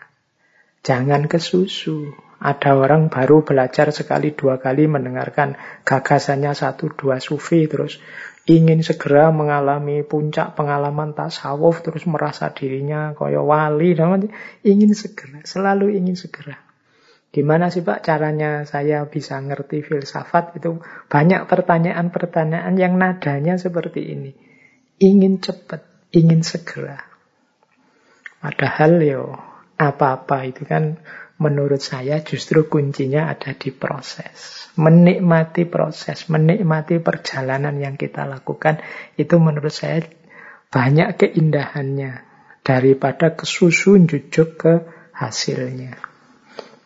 Jadi, ya ini untuk bahan introspeksi masing-masing ya, jangan nuding-nuding yang lain. Kita saja mulai masang rem yang pakem biar nanti ngerti kapan berhenti untuk muhasabah sebentar, introspeksi sebentar tentang hidup kita. Selanjutnya ya jalan lagi. Kalau bisa cepat, efektif, tidak apa-apa. Tapi kalau memang masih ada proses-proses yang harus dilewati, ya jangan kehilangan kesabaran untuk mengikuti prosesnya. Jangan sampai nanti teman-teman jatuhnya pada piknolepsi Vignolepsi itu ya kondisi seperti orang epilepsi, apalagi kemudian sampai kondisi panik. Ini juga banyak hari ini saya membaca lupa kemarin di mana manusia hari ini itu banyak yang diam-diam mengalami gejala kecemasan. Jadi khawatir, ada banyak kekhawatiran-kekhawatiran baru yang tertanam dalam diri kita, yang kita tidak sadar. Sehingga sering saya ceritakan ya gejala kecemasan ini ada orang karena mungkin sering membaca-baca tentang kesehatan, akhirnya banyak sekali kecemasan-kecemasan dalam dirinya berhubungan dengan kesehatan. Nanti pusing sedikit saja terus, waduh ini jangan-jangan stroke ya, ini jangan-jangan. Nah itu itu semacam gejala kecemasan. Jadi Jangan salah, gejala kecemasan ini yo penyakitnya mental, tapi dia juga bisa berpengaruh ke fisik. Mungkin perutnya jadi mules, dadanya jadi berdebar-debar. Nanti dadanya berdebar-debar, waduh ini jangan-jangan penyakit jantung. Nah, itulah efeknya dari kondisi panik ini. Makanya teman-teman ya hati-hati, berpikir yang normal saja. Cuma ini ya memang budaya yang ada di sekeliling kita. Jadi ini semacam kalau saya Pak ingin jalan pelan-pelan, ternyata tidak bisa Pak. Didorong terus oleh lingkungan sekeliling itu biar cepat. Jadi ini ya semoga teman-teman bisa mengatur ritmenya. Karena hidup ini ya cepat terus ya masalah. Terlalu lambat juga masalah. Segalanya harus pas sesuai porsi dan proporsinya. Baik, ada lagi. Nah, setelah ini kita bahas pandangannya Virilio tentang virtual reality. Yo, sebenarnya lanjutan The Last Vehicle tadi ada virtual reality. Jadi ada quotes begini dari Virilio. Karena tidak ada lagi horizon sebagai sasaran percepatan, mereka akan menciptakan yang tiruan, yaitu horizon pengganti. Ini maksudnya apa? Tidak ada lagi horizon sebagai sasaran percepatan itu. Dunia nyata itu kan ada memang sunatullah-sunatullahnya, fitroh-fitrohnya, hukum-hukum alamnya. Yang tidak semua bisa dipercepat ada proses-proses yang harus diikuti dalam banyak hal. Sehingga yo, yang bisa dipercepat rasanya memang sudah diupayakan semua lewat teknologi bikinan manusia. Tapi kalau semuanya sudah, kita masih tetap ingin lebih cepat lagi. Akhirnya diciptakanlah satu dunia baru atau bahasanya Virilio horizon pengganti. Horizon penggantinya itu apa? Kita hari ini menyebutnya dunia virtual atau virtual reality atau kadang kita sebut dunia maya. Jadi makanya dalam gagasannya Virilio ada pembedaan antara virtuality dan reality. Virtuality itu ya dunia yang ada di balik gadget kita. Kehidupan kita di dunia maya itu virtuality. Berhadapan dengan reality. Reality itu kehidupan nyata kita di dunia ini. Jadi ada yang aktual, ada yang virtual. Selama ini kita, mengapa tadi saya sebut dunia maya? Ya karena ini sebenarnya masih samar-samar. Bahkan ada yang menyebut ini tidak nyata, makanya disebut maya. Ini semacam dunia simulasi, dunia permainan belaka. Tapi katanya Virilio itu bukan simulasi, tapi substitusi. Substitusi itu pengganti. Kalau simulasi itu kan tidak serius, hanya main-main. Tapi kalau substitusi ini pengganti dunia nyata. Jadi dunia nyata apa, dunia mayanya sekarang sudah ada gantinya. Saya contohkan yang paling mudah, sederhana ya. Misalnya hari ini mungkin di kampus-kampus yang sudah kuliah jarak jauh mengalami tanda tangan kita yang dosen atau yang pejabat itu kan sekarang karena tidak bisa ketemu langsung terus diganti dengan barcode. Jarak jauh kita ngirim tanda tangannya. Barcode ini kan tanda tangan di dunia maya. Kalau tanda tangan kita yang biasa pakai pulpen itu ya tanda tangan di dunia nyata. Nah, tanda tangan barcode ini kan tidak sekedar simulasi dari tanda tangan di dunia nyata, tapi dia substitusi, gantinya. Jadi, makanya kalimatnya Virilio, aku tidak percaya simulasi. Aku percaya bahwa kata itu sudah out of date, kata itu sudah kuno. Istilah simulasi itu perlu direvisi lagi. Sejauh yang aku tahu, teknologi baru menggantikan realitas aktual dengan realitas virtual. Dan ini lebih dari sekedar satu fase, tapi satu perubahan yang hakiki. Jadi ini memang perubahan dalam hidup, tidak sekedar permainan. Ya teman-teman mungkin hari ini mengenal misalnya ada e-sport. E-sport itu kan istilahnya sport, tapi stop itu, sport itu kan olahraga. Tapi kan yang main ya tetap di dunia maya. Tapi ini bukan simulasi, ya beneran dia lomba, ada hadiahnya. Apa-apa kan sekarang serba virtual.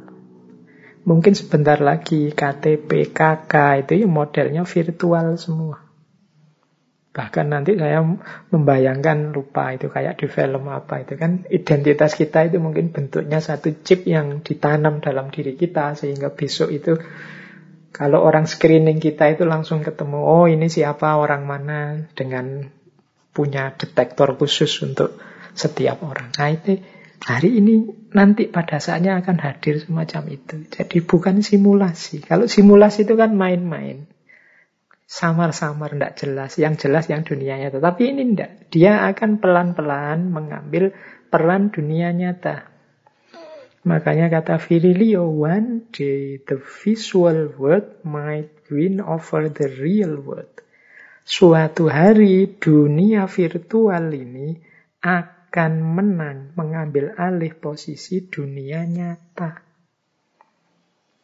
Sekarang apa-apa kan sudah Orang sadar bisa dilakukan online, bisa dilakukan jarak jauh, bisa dipenuhi di dunia maya, tidak butuh dunia nyata.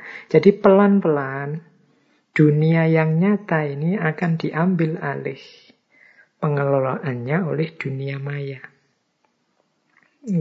Contohnya sudah banyak hari ini, mulai yang semula harus konkret ketemu di dunia nyata, sekarang bisa dikelola di dunia maya. Mulai kuliah, dagang, jual beli apa saja sekarang sudah mulai diambil oleh dunia virtual. Sekarang kita itu bisa tinggal duduk saja di rumah, apa saja yang kita inginkan hadir. Jadi mulai barangkah, sampai jasakah, sampai apa saja semua hadir hanya dengan kontak kita ke dunia maya, tidak harus ke dunia nyata. Makanan sekarang kan tinggal pesen hadir sendiri apa saja yang kita inginkan ada. Jual beli juga begitu, e-commerce, pasar-pasar, model virtual hari ini kan juga banyak. Jadi pelan-pelan dunia nyata posisinya akan lenyap digantikan oleh dunia maya. Oke, kemudian ada lagi yang penting. Hubungannya ketika dunia virtual ini lebih nyata dibandingkan dunia maya. Yang sehubungan dengan identitas kita. Jadi apa yang berpengaruh besar yaitu istilahnya ketersembunyian. Jadi ketersembunyian manusia dalam virtuality. Ini nanti kalau ditarik-tarik jauh, manusia bisa kehilangan dirinya dalam dunia virtual. Coba deh teman-teman sekarang saya tanya, punya akun medsos berapa? Silahkan direnungi tiap akun medsos kalian itu mungkin Instagramnya, mungkin Twitter, Facebooknya, atau kanal YouTube-nya. Coba dicermat-cermati apakah yang terpampang di medsos itu adalah benar diri kalian. Ataukah hanya mimpi-mimpi kalian tentang diri kalian. Ataukah keinginan-keinginanmu tentang dirimu. Atau jangan-jangan kebalikannya, pemberontakan-pemberontakanmu tentang hidupmu. Ini karena dalam virtuality lah semuanya serba mungkin. Mungkin ada banyak kegeraman-kegeraman, kegelisahan-kegelisahan yang kita tidak bisa mengungkapkannya di dunia nyata. Akhirnya kita lampiaskan di dunia maya. Mungkin kita sering jengkel, ingin menyerang sekelompok orang atau seseorang. Di dunia nyata tidak berani. Akhirnya kita masuklah ke dunia maya. Dan di dunia maya, ya kecenderungannya lebih aman. Mengapa? Ya kalau di dunia maya itu kita bisa membuat banyak identitas, bahkan tanpa batas. Jadi identitas itu bisa, teman-teman kan bisa itu, aslinya orangnya ndak iso guyon, tapi ndak bisa bergurau, tapi dalam postingannya itu selalu tentang yang lucu-lucu. Misalnya sudah terlanjur bikin akun Facebook atau akun YouTube yang cirinya adalah lucu-lucu. Nah, itu kan ya kita dipaksa oleh brand lucu tadi tiap hari posting yang lucu-lucu. Meskipun kita sedang galau, sedang sedih, sedang marah, ya postingannya lucu. Orang terus menganggap kita, wah orang ini lucu ya. Terus dianggapnya kita lucu terus. Jadi identitasnya tidak kelihatan sesuai yang ingin kita bangun. Ya wis koyok ngaji filsafat ini mungkin ya. Teman-teman ngertinya saya itu ya pas ngaji kayak gini, pas ngomong filsafat yang dalam-dalam gagasan-gagasan besarnya para tokoh. Mungkin teman-teman membayangkan, wah Pak Faiz itu mungkin tiap hari kalau diajak ngomong sehari-hari itu yo isinya dalam terus. Yo kalian ngertinya cuma itu yo. Ya saya yo menjalani hidup normal saja ya kalau pas ngaji ya memang materinya dalam tapi dalam ngobrol biasa, ketemu temen, sama anak-anak, sama keluarga, ya sama saja seperti yang lain. Kan tidak mungkin sama anakku terus ngomong filsafat kelas tinggi, wahai anakku, ingatlah kebahagiaan dalam hati saja. Kan tidak mungkin begitu. Tapi mesti sesuai levelnya dia. Tapi karena citra yang sudah terbangun di medsos, terus kalian menganggap saya itu sepenuhnya begitu diriku yang terjadi tersembunyi, tidak kelihatan. Jadi citranya tergantung sebagaimana yang tampil. Jadi dalam virtuality ada ketersembunyian. Termasuk lenyapnya diri kita kalau kita tidak hati-hati. Maka problem utama dari realitas virtual adalah kita sulit untuk memiliki orientasi kita kehilangan rujukan tentang diri kita sendiri. Siapa sih aku itu sebenarnya? Ya tak contohkan diriku sendiri saja biar nggak nunjuk orang lain. Misalnya, karena tiap hari kalian ngomong Pak Faiz itu kalau ngomong dalam, Pak Faiz itu kalau ngomong mesti maknanya banyak daging semua macam-macam. Akhirnya saya sendiri terus terpengaruh. Sehingga kadang-kadang kalau ketemu kalian terus tak filsafat-filsafat kan ngomongnya. Tak dalam-dalam kan. Tak filosofi-filosofi kan. Lama-lama terus aku kehilangan jati diriku. Aku ndak sadar hakikatku apa ya itu. Keinginanku apa ya itu. Tuntutan jiwaku selama ini apa itu. Lama-lama akhirnya Seolah-olah saya yang dikte kalian, tapi diam-diam sebenarnya kalian yang dikte aku, sehingga aku sendiri kehilangan jejak tentang diriku.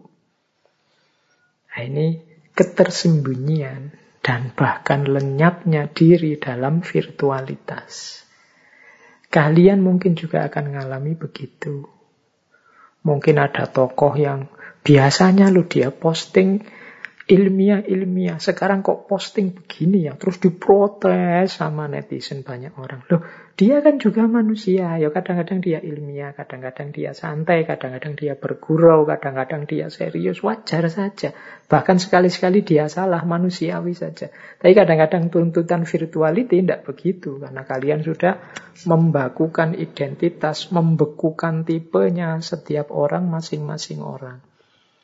Akhirnya justru banyak orang kehilangan identitasnya dalam virtualitas. Ini belum saya sambungkan dengan yang ada pamrih kapital, ada target-target ekonomi, mungkin nyari like yang banyak, nyari follower yang banyak, nyari subscriber yang banyak, atau bahkan yang dibayar untuk posting dengan tujuan target tertentu semakin lenyaplah diri dan identitas dalam virtualitas. Sehingga katanya Virilio tadi, virtuality itu sebenarnya bukan simulasi, itu bukan permainan, tapi substitusi. Dia menggantikan dunia nyata. Kehidupan yang semula dunia maya, pada akhirnya rasanya seperti dunia nyata. Jadi ada ketersembunyian dalam virtuality. Nah ini ada quotes yang saya bawa dari Virilio. These new technologies try to make virtual reality more powerful than actual reality, which is the true accident. The day when virtual reality becomes more powerful than reality will be the day of the big accident. Mankind never experienced such an extraordinary accident. Teknologi-teknologi baru itu berusaha untuk membuat realitas virtual lebih kuasa dibandingkan realitas aktual. Inilah kecelakaan yang sebenarnya hari ketika realitas virtual lebih kuasa dibandingkan realitas aktual akan menjadi kecelakaan besar. Manusia belum pernah mengalami kecelakaan sebesar ini. Jadi ya, dari sisi capaian-capaian peradaban, teknologi informasi kita itu luar biasa. Tapi jangan lupa seperti tadi, ada integral accident, ada kecelakaan, ada negativitas dibanding di balik capaian-capaian. Sehingga kita jangan hanya fokus menikmati menghura-hurai, mengekstasi capaian-capaian teknologi informasi yang baru, tapi kita juga harus waspada dengan bahaya yang ditimbulkannya. Jadi mungkin sebentar lagi ada perubahan besar dalam tata hidup kita di dunia ya sebenarnya mulai kesadaran-kesadaran 4.0 dan macam-macam itu kan sebenarnya titik ketika peradaban manusia sebenarnya sebentar lagi akan berubah secara drastis. Apalagi dengan adanya virus corona, pandemi global ini, kesadaran-kesadaran tentang pentingnya ranah virtual itu kan semakin muncul, semakin memuncak. Saatnya orang sadar tentang kondisi virtuality yang dalam hal tertentu ada bahayanya. Maka seperti saya bilang tadi, pinter-pinter kita untuk ngerem. Persis seperti solusi yang ditawarkan oleh Virilio. Ada dua quote yang saya ambil dari Virilio untuk gimana sih menyikapi situasi mengerikan seperti yang digambarkan tadi. Oke, okay. uh, eh, ini quotes yang pertama dari Paul Virilio menyikapi tadi, yaitu Tori gain our liberty and our distance we must slow the images down untuk meraih kembali kebebasan kita dan juga jarak ruang di antara kita, kita harus memperlambat image. Jadi slow the image down. Jadi memperlambat gambaran-gambaran. Ini kan tadi kita diserbu oleh segala macam informasi. Ya dirim sedikit lah. Jangan digenjot semuanya, pelan-pelan apa yang masuk ke dalam diri kita, dicerna dulu mana yang sesuai, mana yang tidak, positif atau tidak untuk hidup kita, kontributif manfaat atau tidak untuk hidup kita, dan seterusnya. Di situlah hakikat sebenarnya kita menemukan kebebasan. Kalau kita seperti orang kalap dan panik tadi, karena saking khawatirnya ketinggalan zaman, segalanya dipercepat, ya kita akan mungkin banyak hal penting yang kelewatan atau yang seharusnya kita singkiri malah kita masukkan. Untuk bisa tidak tertipu seperti itu ya kita agak slow down, agak pelan-pelan. Jadi jangan terlalu ambisius untuk semuanya harus serba cepat, harus selalu mendahului yang lain. Ya memang ada hal-hal tertentu yang lebih cepat, lebih baik. Tapi banyak hal yang sebaiknya hati-hati dulu. Dan tidak harus logikanya kan perlombaan. Hari ini memang banyak orang logikanya perlombaan. Tidak apa-apa kan kalau ada orang lain tahu lebih dulu dibandingkan kita. Kan tidak masalah. Tidak apa-apa orang lain paham lebih dulu, kita nanti dulu pelan-pelan. Kan tidak masalah, bukan sesuatu yang dosa. Ya ada banyak hal yang memang harus cepat, tapi sebagian besar hal itu kita harus hati-hati. Kalau dalam kajian tasawuf saya ingat ada Sufi Syekh Hatim bin Aksom. Kata Syekh Hatim bin Aksom itu ada lima hal kalau yang ini harus cepat. Berarti yang di luar ini tidak cepat juga tidak apa-apa. Sesuaikan dengan kebutuhan. Yang harus cepat itu katanya sehatim ya. Teman-teman boleh setuju, boleh tidak. Yang pertama adalah memberi hidangan tamu kalau datang. Jadi menghidangkan jamuan ketika ada tamu itu kalau bisa cepat-cepat. Jangan sengaja dilama-lamain nunggu biar tamunya segera pulang, ndak usah nyuguhin, ndak. Justru sunnahnya, ayo cepat-cepat kita suguhi tamu kalau ada tamu datang. Kalau ini ndak harus ditunda-tunda, ndak harus dipikir dalam, ya wis segera. Kemudian yang kedua, pengurusan mayit. Bila ada orang meninggal itu juga harus segera, jangan nunggu, jangan dipending. Segera diurus. Kemudian menikahkan anak gadis. Kalau ada laki-laki yang sesuai memenuhi syarat meminangnya. Dan ya tentunya mungkin sama-sama seneng lah. Pokoknya sudah memenuhi syarat untuk bisa menikah, segera nikahkan. Tidak usah nunggu macam-macam. Yang harus cepat juga, katanya Syekh Hatim, melunasi utang. Kalau memang sudah waktunya dan kita punya.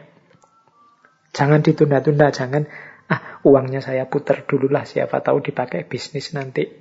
Bisa lebih banyak, saya bisa bayar utang juga, bisa untung dari bisnis ini. Nah, kalau memang sudah cukup untuk bayar utang, sudah waktunya segera dibayar. Kuatirnya nanti malah kita tidak bisa bayar lagi padahal tadinya sudah mampu bayar. Karena utang itu ya beban di dunia, beban di akhirat. Dan yang kelima, taubat. Taubat jangan dipending. Jadi, Pak, katanya tidak boleh tergesa-gesa, Pak. Saya taubatnya nanti saja ya, Pak. Tidak, kalau urusan taubat sudahlah, segera aja taubat. Tidak usah nunggu. Jadi suguhan untuk tamu, mengurusi mayit, menikahkan anak gadis yang sudah memenuhi syarat dan cukup, melunasi hutang, tobat itu ini harus segera. Tapi di luar itu mungkin ya tidak harus segera. Kita cerna baik-baik apakah memang cocok dan sesuai untuk hidup kita. Jadi karena dalam banyak hal kita ini sering terjebak karena ingin cepat, ingin segera, terus kemudian hal-hal penting, hal-hal yang manfaat terlewatkan, sementara hal yang tidak perlu menghabiskan tenaga dan energi kita. Maka yang kedua, Virilio menyatakan resistance is always possible, but we must engage in resistance first of all by developing the idea of technological culture. Resisten is always possible. Melawan peradaban misalnya dengan anti teknologi, yo, yo mungkin-mungkin saja. Kan hari ini ada itu kan orang-orang yang saya anti gadget pak, saya anti TV pak, anak saya nggak saya kasih ini macam yo bisa-bisa saja. Tapi katanya Virilio yang jauh lebih penting adalah kita mengembangkan idea of technological culture. Jadi, yuk kita membangun budaya teknologi yang positif. Jadi, kita rancang cara hidup yang memanfaatkan IT secara maksimal tapi tidak merusak hidup kita. Apa mungkin begitu Pak? Ya mungkin saja. Karena kelihatannya filosofi, hikmah, rancangan, pemahaman tentang teknologi secara mendalam itu kalah cepat dibandingkan produk-produk teknologinya. Sehingga kita selalu terlambat mengantisipasi tadi integral accident-nya. Kalau sudah ada kasus baru kita bingung. Begitu ada anak-anak kecanduan gadget, baru kita diskusi macam-macam. Kita tidak pernah memprediksi secara serius sejak awalnya. Dan kita tidak pernah secara sengaja oh budaya teknologi yang positif hari ini itu seperti ini. Sesuai dengan norma kebangsaan kita, sesuai dengan norma keberagamaan kita, sesuai dengan nilai-nilai budaya kita.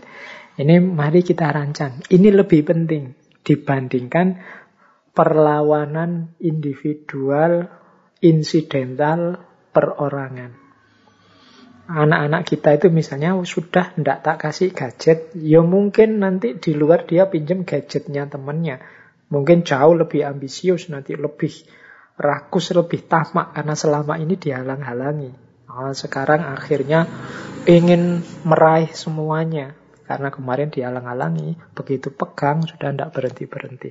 Ada banyak yang semacam itu. Maka resisten yang sifatnya insidental ini ya boleh-boleh saja silahkan. Tapi kalau bisa mungkin yang punya kekuasaan dan berkepentingan dengan ranah ini, membangun technological culture yang positif.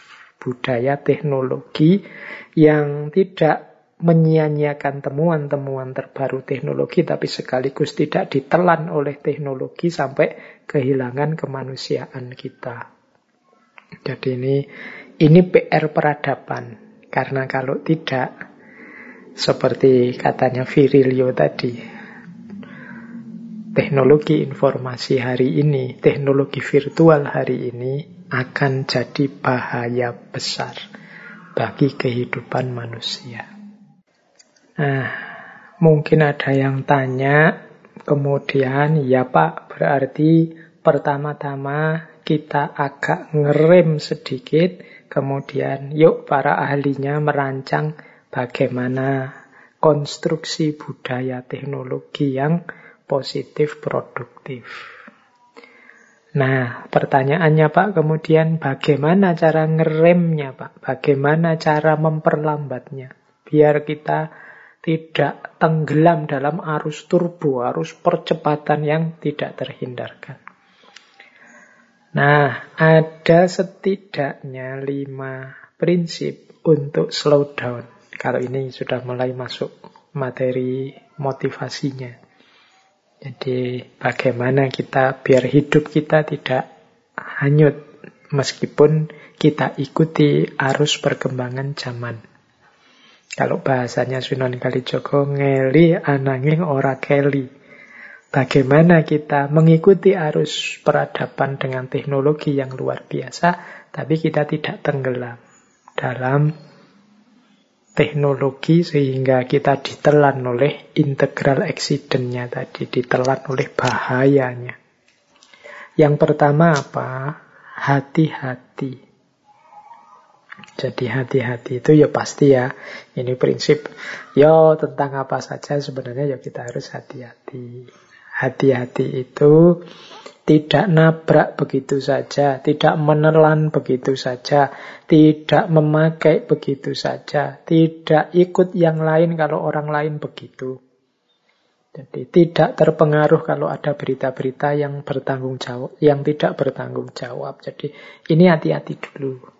Jadi untuk memperlambat ritme pertama-tama hati-hati. Setelah itu jaga jarak Jaga jarak itu, mengapa sih harus jaga jarak? Ya karena kalau kita terlalu terlibat di dalamnya, susah untuk berhenti. Kalau kita ada dalam arus, ya kita susah melawan arus. Kita ambil jarak sedikit.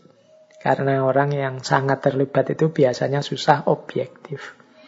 Kalau sedang muter di situ, ya bagi kita ya segalanya lancar saja, baik saja. Tapi kita ambil jarak sebentar untuk membaca dari luar secara lebih objektif. Jadi menjaga jarak itu nanti mungkin malam hari kita lepaskan sebentar diri kita dari kesibukan rutinitas sehari-hari terus kita renungi. Nanti mungkin ketemu penyakitnya. Oh iya ya, selama ini waktuku 75% habis hanya di depan gadget. Oh iya ya, ternyata masa pandemi di rumah ini aku tidak produktif lagi. Yang aku lakukan hanya hal-hal yang sifatnya konsumtif saja. Gara-gara gadget juga apa-apa pesen tiap hari hanya ngurusi apa yang ingin aku beli, mentang-mentang punya uang, mentang-mentang bisa beli online jarak jauh, jadi isinya di depan gadget terus. Kalau belanja-belanja, pesen makanan, dan macam-macam. Ya bukan salah, tapi kalau hanya itu terus, ya rasanya perlu diluruskan lagi, perlu dibenarkan lagi. Semoga tidak ada ini teman-teman yang kerjaannya selama apa pandemi ini ya seperti itu. Jadi asik terus dengan gadgetnya. Apalagi ada e-market itu tiap hari yang dilakukan hanya pesen-pesen, kemudian tiap hari hanya nunggu paket di kos-kosannya, di rumahnya masing-masing. Betapa gembiranya kalau paketnya datang. Bukan tidak boleh, tapi apa iya sih hidup kita warnanya hanya itu saja. Yuk menjaga jarak sebentar, wong kadang-kadang kita beli macam-macam juga terus kecewa. Kecewa karena ternyata tidak cocok dengan ekspektasi atau ternyata kita tidak butuh-butuh amat sih sama barang-barang itu kita dimakan iklan saja misalnya. Nah, itu gunanya menjaga jarak. Kemudian juga jangan lupa skeptis. Skeptis itu jangan gampang percaya lah, khususnya untuk informasi-informasi yang masuk. Pertanyakan dulu validitasnya. Kalau bahasanya agama, coba detabayun dulu. Jadi kita ini sering tertipu, apalagi kalau ada share pembagian informasi yang meminjam otoritas. Misalnya, ini yang bilang tokoh ini loh. Ini yang bilang ahlinya bidang ini loh. Ini ulama yang sudah ini loh itu. Coba deh kita uji lagi. Skeptis kita pertanyakan lagi apa ya ini relevan untuk hidup kita. Mungkin memang benar karena mereka ahlinya, tapi relevansinya untuk hidup kita ini apa memang sesuai. Jadi pertanyakanlah, jangan kesusu ditelan. Eman-eman kalau ke susu ditelan terus tidak cocok karena memuntahkan yang sudah masuk itu lebih sulit dibandingkan kita tolak sebelum masuk. Yo kayak penyakit itu loh ya kan. Preventif itu lebih mudah daripada kuratif. Mencegah lebih mudah daripada mengobati. Maka ayo skeptis dulu. Saya tidak tahu skeptis ini sering diucapkan dengan konotasi negatif seolah-olah orang skeptis itu orang yang cerewet, tidak mudah menerima kebenaran. Sebenarnya gunanya adalah biar kita tidak tertipu oleh hal-hal yang seolah-olah benar. Kemudian verifikasi. Jadi verifikasi itu dibuktikan kalau ada orang ngomong ini ulama ini ngomong saya temukan di kitab ini kemudian jus sekian, halaman sekian. Mbok iya teman-teman jangan males untuk ngecek, diverifikasi apa iya. Kadang-kadang kita itu tertipu hanya gara-gara ada rujukannya terus dianggap mesti ya. Nah, ya alhamdulillah kalau terus di screenshotkan rujukannya. Ya kadang-kadang pakai bahasa Inggris atau bahasa Arab sehingga kita juga tidak ngerti apa memang begitu maksudnya. Ya semoga memang benar. Tapi kan bukan berarti kita telan begitu saja, tapi kita verifikasi, kita cek. Ini kayak zaman saya dulu kuliah itu. Kalau ingin menang diskusi, ya sudah, kita meminjam saja nama-nama tokoh besar. Nanti pendapatku mesti diterima, karena dianggapnya bukan pendapatku, tapi pendapatnya tokoh itu. Padahal apa ya tokohnya ngomong begitu, ya pastinya tidak, wong saya ngarang. Jadi kalau pas lagi asik diskusi itu wah, ngarang saya. Oh ini menurut pandangannya Aristoteles itu yang benar begini. Wah itu seolah-olah ini yang ngomong Aristoteles itu bukan saya. Jadi teman-teman yang diskusi itu tidak berani bantah saya karena dianggap ini dawuhnya sok apa Aristoteles bukan kata-kata saya. Padahal aku yang ngarang. Ini karena budaya verifikasinya tidak hidup ya pokoknya dipercaya saja. Oh ini tokoh ini loh yang ngomong, ini ulama ini loh yang ngomong. Bukan berarti dipastikan salah, tapi yuk diverifikasi, ditabayuni. Alhamdulillah kalau memang benar. Kalau tidak benar kita selamat, kalau benar kita juga selamat. Beda dengan kalau tiba-tiba kita telan begitu saja. Kuatirnya ternyata bukan madu tapi racun yang merusak hidup kita. Syukur-syukur kita bisa check and recheck check and recheck itu ya setelah verifikasi kita verifikasi lagi deh. Jangan-jangan saya salah tadi ngeceknya. Mungkin ada teman lain yang juga punya kesempatan ngecek sama nggak sih hasil ujinya terhadap yang dicek tadi dengan saya. Itu namanya check and recheck. Jadi, nah kalau kita hati-hati menjaga jarak, mempertanyakan, memverifikasi, mengecek ulang, insya Allah kita tidak terlalu cepat lagi, sudah agak slow down. Ini yang saya sebut tadi mengalir tapi tidak tenggelam. Ya sih mengikuti informasi, tapi sekarang secara bertanggung jawab. Biar tidak mabuk seperti tadi, biar tidak ekstase kayak orang epilepsi, biar tidak bolak-balik kaget. Tapi agak melambat. Hati-hati menjaga jarak, skeptis, verifikatif, check and recheck. Baik, masih ada waktu sekitar 10 menit. Saya ingin masuk sedikit saja tentang kecepatan ini, dromologi ini, kalau dihubungkan dengan agama.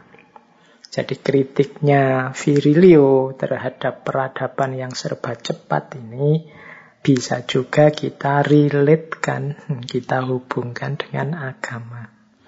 Jadi ada beberapa ayat dalam Al-Quran yang memang isinya menyindir manusia yang senengannya tergesa-gesa.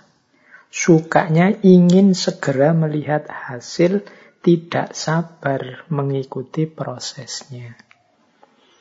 Seperti surat Al-Isra ayat 11. Itu kan ada wakanal insanu ajula. Jadi dan manusia itu punya sifat ajula. Ajula itu tergesa-gesa. Atau hadis yang populer sekali teman-teman mestinya juga pernah mendengar hadis ini. At-ta'ani minallah wal ajalatu syaiton. Jadi ketenangan itu dari Allah dan ketergesaan itu dari setan. Jadi al-ajalatu minas syaiton ini populer sekali quotes ini sering kita pakai. Jadi kalau ada orang terburu-buru ingin segera tugasnya beres, ingin segera tanggung jawabnya selesai itu namanya al-ajalah. Katanya Rasulullah itu sumbernya dari setan. Nah, kalau teman-teman sadar, waduh ini aku kok kemerungsung gini ya, kok kesusu tergesa-gesa gini ya, jangan-jangan dari setan. Ayo direm sedikit. Tadi ada lima rem tadi ya, hati-hati, skeptis, dan lain sebagainya. Coba direm sedikit, biar setannya pergi. Tenang saja, hadapi persoalan, wujudkan cita-cita dengan mantap dan tenang. Makanya puncaknya kondisi jiwa atau state of soul itu sering disebut mutmainnah. Mutmainnah itu tenang. Satu akar kata dengan ta'ani tadi. Jadi ketenangan.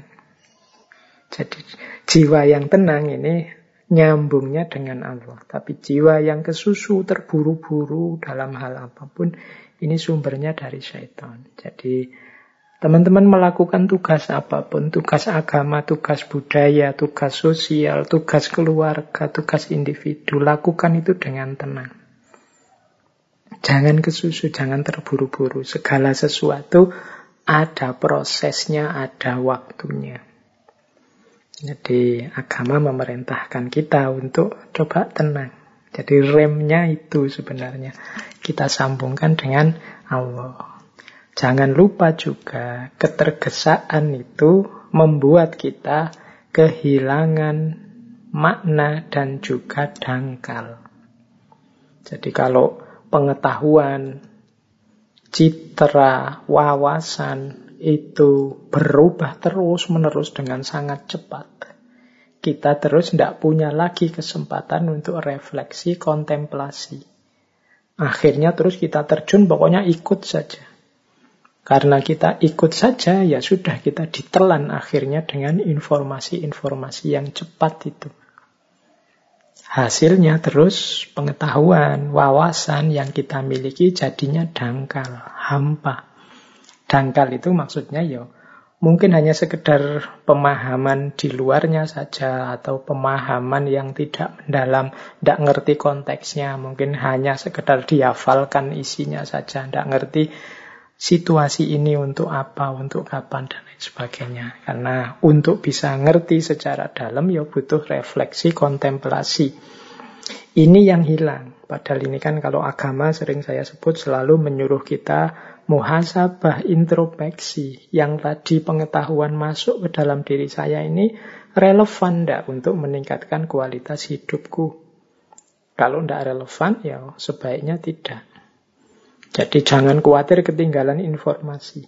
Tapi pertama-tama coba refleksi informasi seperti ini itu loh. Aku butuh apa enggak sih? Kalau aku butuh, memerlukannya, apa butuh segera? Atau harusnya aku ikuti pelan-pelan dari dasar, dari pengantar, kemudian baru lanjutannya. Atau cukup aku ngerti, aku jalankan saja. Ini perlu refleksi-refleksi. Tidak sekedar hanya diikuti begitu saja. Nah ini pentingnya. Karena kadang-kadang ketergesa-gesaan itu ya justru membuat kita lebih lama selesainya. Atau seandainya selesai, kualitasnya rendah.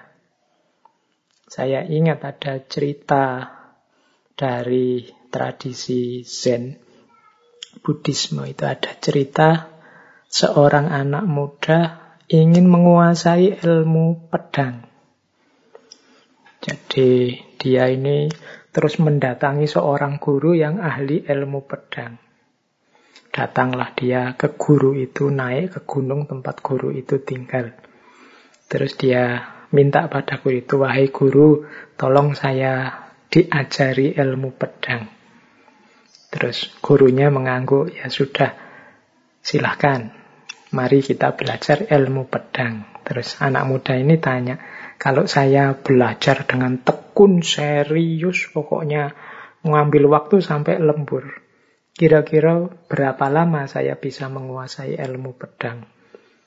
Gurunya menjawab, ya sekitar 10 tahun lah. Wah, anak muda ini terus tanya lagi, wahai guru, ini ayah saya itu kan sudah tua. Jadi saya harus juga menyisihkan waktu untuk merawat beliau. Kasihan kalau saya tinggal lama-lama sampai 10 tahun. Pokoknya saya janji lebih giat lagi berlatih. Lemburnya saya tambah wis. Sampai berapa kira-kira? Gurunya terus jawab, wah kalau begitu ya engkau butuh waktu 20 tahun. Wah, tambah kaget ini. Loh kok tambah lama? Katanya muridnya, guru, kok malah sekarang 20 tahun? Tadi 10 tahun. Kalau gitu gini deh, saya melakukan apa saja wis. Mungkin tidak tidur, mungkin tidak makan. Pokoknya biar saya bisa segera menguasai ilmu pedang ini. Kira-kira berapa lama waktu yang saya perlukan? Gurunya terus ketawa, terus bilang, yo kalau memang seperti itu, insya Allah, tidak ada insya Allahnya yang ceritanya dari tradisi Zen. Kalau memang begitu, ya engkau akan memerlukan waktu 30 tahun. Tambah lama lagi. Jadi ini mungkin ilustrasi ya, semakin tergesa-gesa, semakin ambisius, berarti semakin tidak tenang. Kalau semakin tidak tenang, semakin susah menginternalisasi ilmu. Jadi ini ilustrasi buat teman-teman atau ya kalau dalam tradisi Islam bolehlah misalnya kisahnya dari Imam Hasan al-Basri.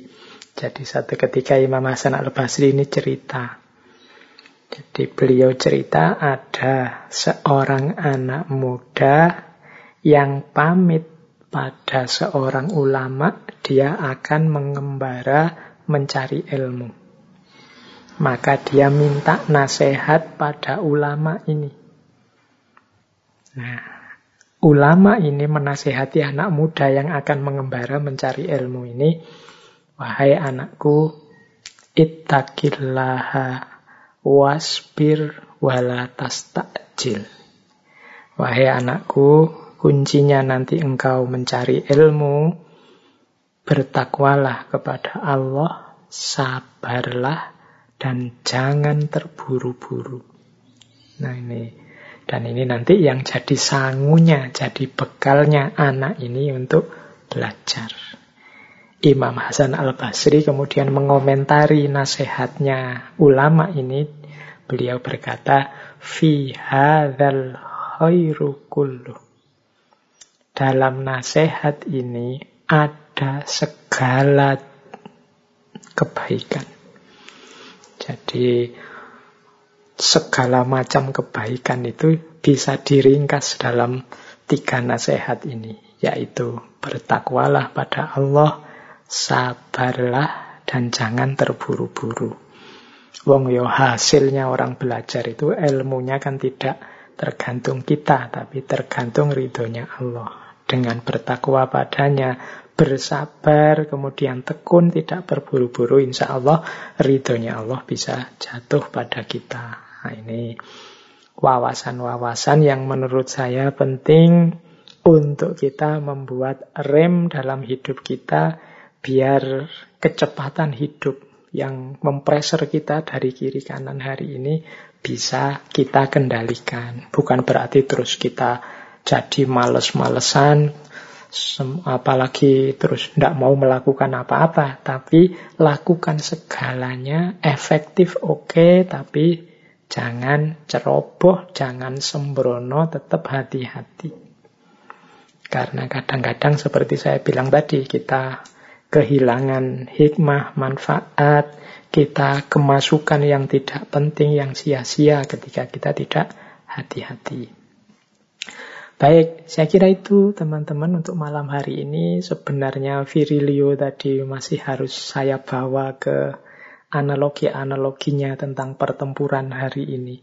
Jadi beliau punya teori tentang pure war, perang yang murni. Perang murni ini perang setelah perang fisik selesai. Kita ini sebenarnya masih dalam situasi perang.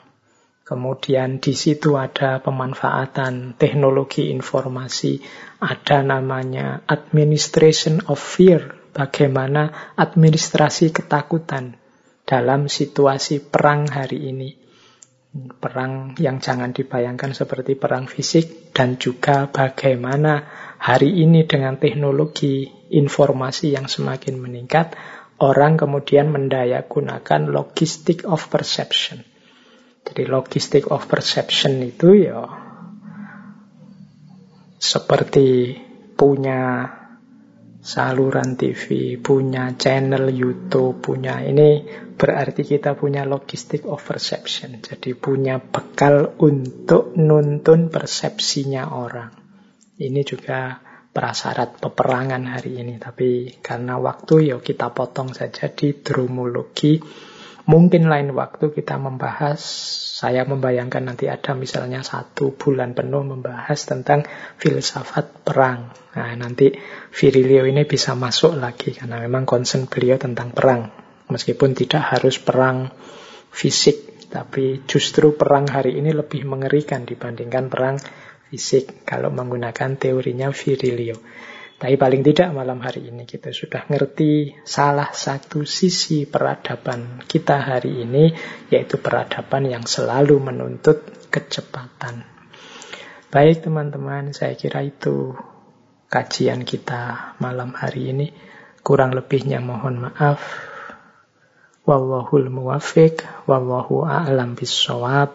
Wassalamualaikum warahmatullahi wabarakatuh.